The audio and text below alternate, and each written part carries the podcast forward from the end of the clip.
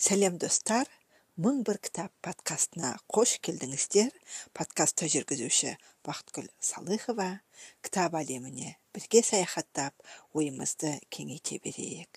Біз алмайтын қамал біз шықпайтын шың болмасын. Қолымыздан бәрі келеді. Бүгін 2024 жылдың екінші қаңтары. Инстаграм парақшама бүгін жаңа жылда қандай кітап оқып жатырсыз? деген сұрақ қойып пост жазған болатынмын. Ә, және оқырмандарға апта сайын бір кітап оқимын десең деген жоспар қойсаңыз онда маған қосылыңыз.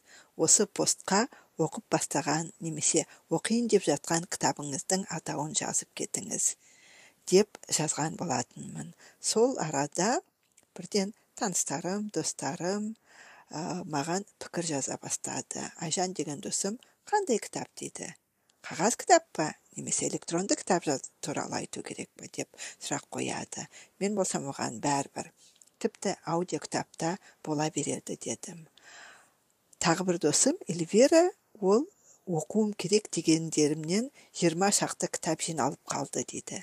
Сөреде тұр маған қарап соларды кезек кезегімен арнайы бір ретсіз жоғарыда тұрғаннан бастап оқып бітіргім келеді. Кеше фиалки в марте деген кітапты бітірдім. Бүгін пиар по азиатски дегенді оқып отырмын деді. Бұл пікірі маған жақсы ой салды. Өйткені мен де сатып алып бірақ әлі оқи алмай жүрген біраз кітап бар еді. Соны сөреге рет ретімен қойсам мүмкін көз алдымда тұрса күнде күнде біреуін болмаса да шет шетінен алып оқитын болармын. Ә, тағы бір досымыз балаларға арналған кітаптарды бастап жатырмын дейді.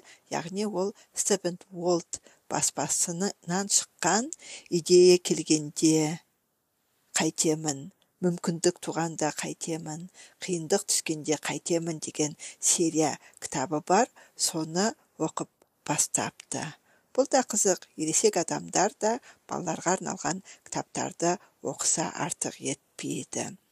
Тағы бір досым әсия брайан моранның 12 недель в году кітабын оқысам ба деп жоспарға кіргізіп қойдым дейді. Ә, бұл кітап туралы мен естігенмін және кейбір жерін үзінділерін оқығанмын. Бұл жоспарлауға жақсы көмектеседі деген кітаптардың бірі. Оған қоса жазира деген қыз былай жазады. Ол зульфу ливанелидің сиренада кітабын оқып бітіріпті. Оқып бітіруім керек дейді және джейн синсероның бір кітабын бастағалы жатырмын дейді. Мен бұл екі авторды да оқымаппын.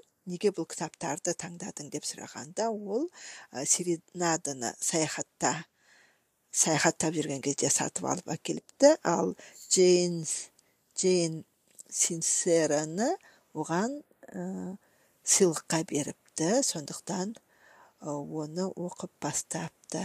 Жаңа әся деген досым катара исаканың жапон жазушысы катара исаканың поезд убийц деген шығармасын оқып жатыр екен. Неге бұл кітапты таңдадың деген сұраққа ол ә, кітапта адам психологиясы туралы басқаша анализдер бар екен.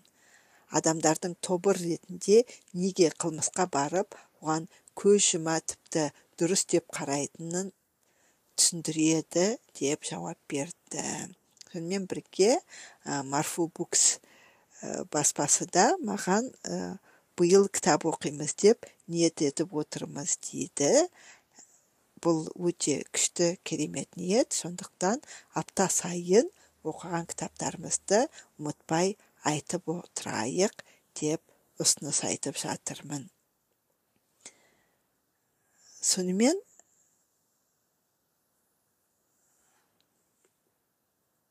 біз ә, кітап оқуды бастап кеттік. Осы аптада кітап оқуды жалғастыра береміз деп сенемін.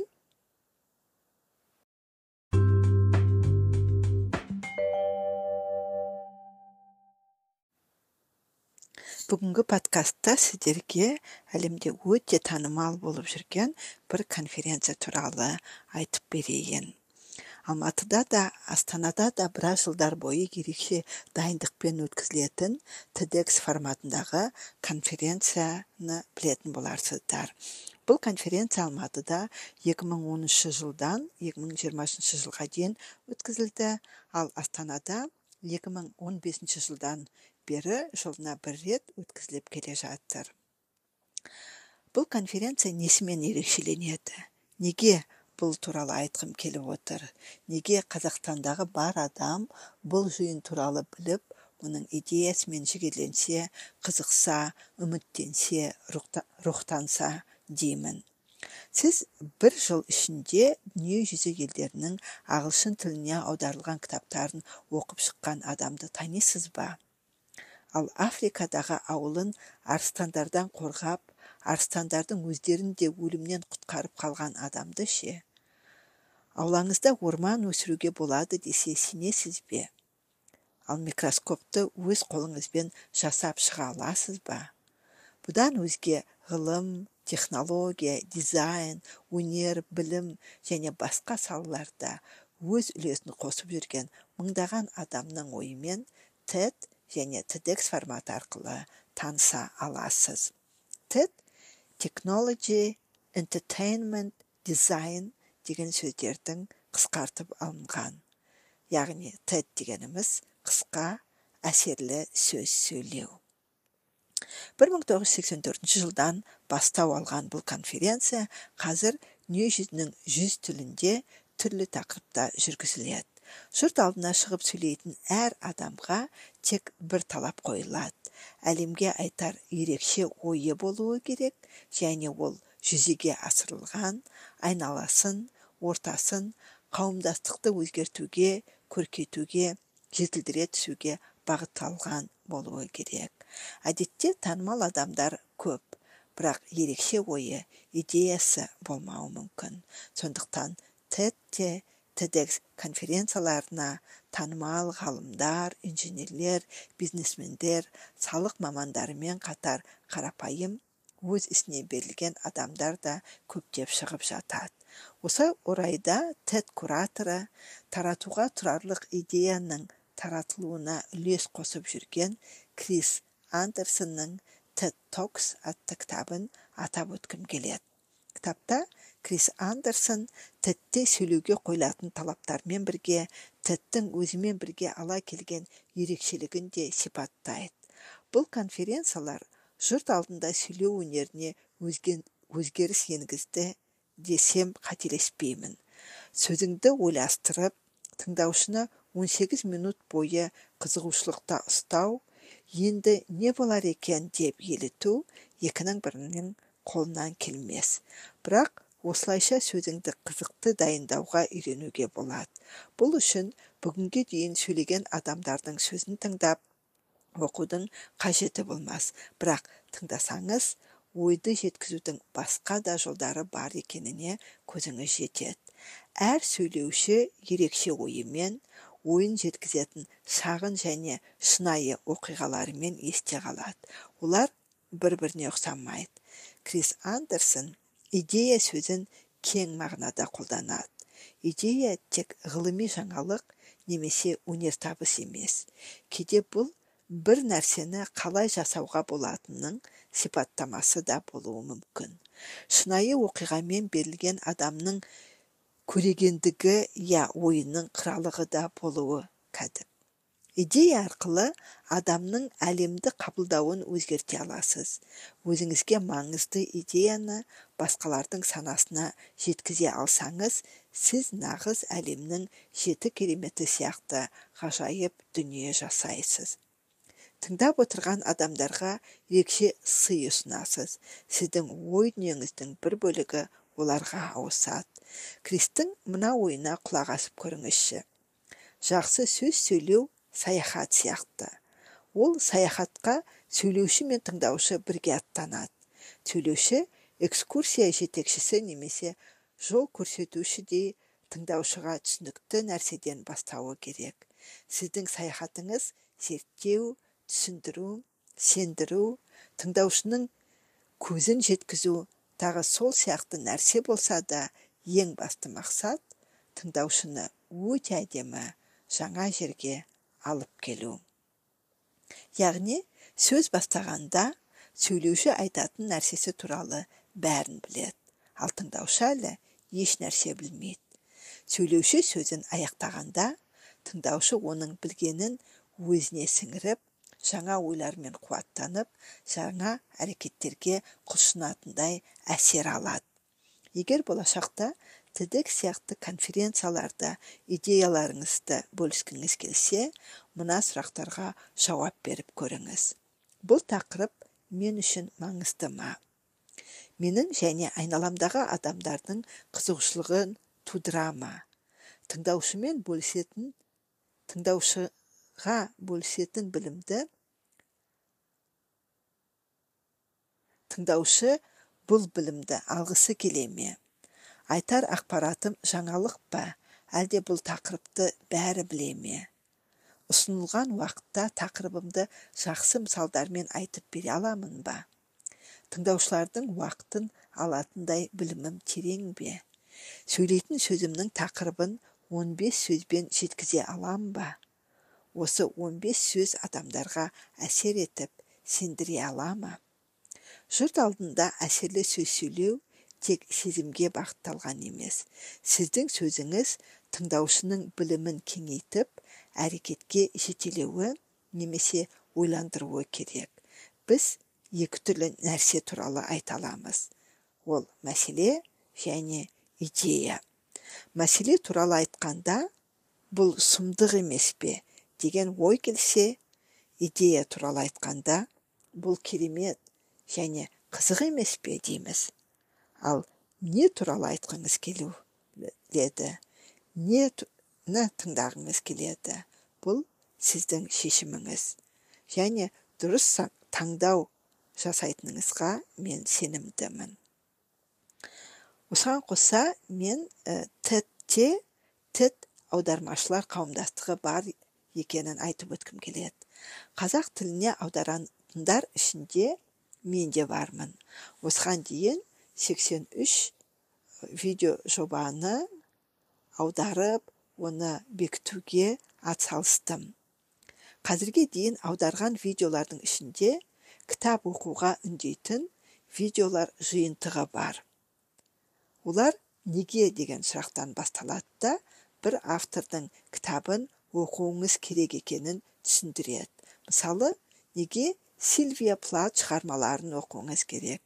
Неге жүз жылдық жалғыздық кітабын оқу керек? Неге моби дикті оқу керек? Неге жағадағы кафка кітабын оқу керек? Неге гамлет шығармасын оқу керек? Неге курт ваннегутты оқу керек? Неге алан поны оқу керек? Неге эдгар алан поны оқу керек. Осы осындай сұрақтар арқылы шығарманың маңызын ашып көрсететін видеолар өте көп. Енді соның біреуін сіздерге айтып берейін. Бұл гамлет шығармасы. Неге? Гамлет шығармасын оқу керек. Осы көп негенің біреуін оқып берейін. Кім бар? деп қараңғыда сыбырлады. Бұл сұрақпен қастандық алдау және екі үшті мораль туралы оқиға басталады. Әркімнің жасыратын өз ойы бар. Пьесада оның жауабы да қарапайым емес. 1599 1601 жылдар аралығында уильям шекспир жазған гамлетте басты кейіпкер өткенінің құрсауында бірақ болашағы бұлыңғыр болып бейнеленеді әкесі аяқ астынан қайтыс болған соң бірнеше ай өткенде гамлет оқып жатқан мектебінен өз үйіне оралады және көлеңкеде жасырын қалатынына сенімді емес. Бірақ оның ойы өзгереді. Оған әкесінің бейнесіндегі елес келген кезде оның ойы өзгереді. Фантом ең сұмдық өлтіру болып өзінің құрбан болғанын айтады. Және ағасы клавдий тағын тартып алғанына гамлетті сендіреді. Және гертруданың жүрегін жаулап алғанын айтады. Ханзаданың жоқтауы ашуға айналады. Ол кек алуды жоспарлай бастайды. Жаңа патша мен оның жақтастарын жазалауды ойлайды. Пьеса трагедия жанрында жазылған. Не қатыгездік не жан жақты романтикада жетіспейді. Шекспирдің басқа жұмыстарына тән нәрселер бұл шығармада жоқ. Оның орнына ол өз кейіпкерінің жасқаншақтығының тереңіне және оның қайғылы салдарына батады. Елестің гамлетке бәрін ашық айтуы бірнеше дилемма тудырады. Ол не істеуі керек? Және кімге сенуі керек? Әділет кезінде ол қандай рөл атқаруы мүмкін? Бұл сұрақтар шиеленіскен кейіпкерлерімен күрделене отырып гамлетті достарымен отбасымен келіссөз жүргізуге мәжбүрлейді. Сот кеңесшілері және махаббат мүддесі бәрінің дерлік жасырын ниеті бар. Ханзада үнемі баяу шешім қабылдап басқалармен қалай қарым қатынас жасауын және қалай кек алу керек екенін білмейді. Бұл гамлетті бұрынғыдан да ашуландыра түседі. Ол шекспир ұсынған кейіпкерлер ішінде адами қасиеттері жоғары кейіпкер. Жоспарын жүзеге асырудың орнына гамлет ойдың жан түршігерлік шым шытырығынан шыға алмайды. Қойылым барысында оның шексіз сұрақтары санамызда жаңғырықтай қайталана береді. Оны орындау үшін шекспир өзінің ең интроспектив тілін қолданады. Озбыр патшаның әсерінен жұмақ пен тозақ туралы ойлау ханзаданың өлім туралы өз ойы мен медитациясы шекспир меланхолик монологтарды өте әсерлі қолданады. Гамлеттің ашу туралы ең танымал сөзі мына мысалда жақсы келтірілген. Сұрағымыз болу. Әлде бордай тозу. Ақылмен азап шегу игі іс пе? Қару мен жебелер табысқа жетелеп теңіздей қиындыққа қарсы тұру қарсылық арқылы жеңіске жету. Бұл монолог гамлеттің экзистенциал дилеммасын бейнелейді ой мен әрекеттің арасында жанталасып өмір не өлім таңдауын жасай алмайды. Бірақ оның шексіз сұрағы тағы бір алаңдаушылық тудырады. Гамлеттің ессіздігі қойылымның бір бөлігі жауларын шатастыру үшін жасалған ба? Немесе біз шындануға шақ қалған кейіпкерді көріп отырмыз ба? Әрбір кейіпкермен қарым қатынаста сұрақтар гамлетке ауыр салмақ салады. Өйткені ол ойының көп бөлігін өзіне үңіліп өткізеді. Ол көбінесе жойылып жатқанын сезбей оның артынан ереді. Ол әсіресе офелияға қатыгез. Оның баянсыз махаббаты тұрақсыз мінез құлқының ессіздігі. Оның тағдыры трагедиядан оңай құтылуға болатынының бір мысалы. Гамлеттің толқын сияқты әсерін көрсетеді. Қайғылы оқиғаның осындай ескертулері ойын барысында үнемі назардан тыс қалады. Кейде бұл қателер әдейі көрмеудің кесірінен орын алады. Мысалы офелияның әкесі жұмыссыз қалғанда гамлеттің қорқынышты әрекеттері махаббат сағынышы сияқты көрінеді. Басқа жағынан трагедия екіжүзділіктен туындайды. Қате сәйкестендіру жағдайы сияқты тағы да қантөгіске әкеледі. Бұл сәттер бізді ыңғайсыз жағдайда қалдырады. Трагедия адам қатесінен туындайды. Біздің қатеміз бәрін шешілмеген күйде бәрін шешілмеген күйде қалдырсақ та бұл біздің қатеміз. Осы себепке байланысты біз ешқашан гамлет гамлеттің адамшылығына күмәнданбаймыз.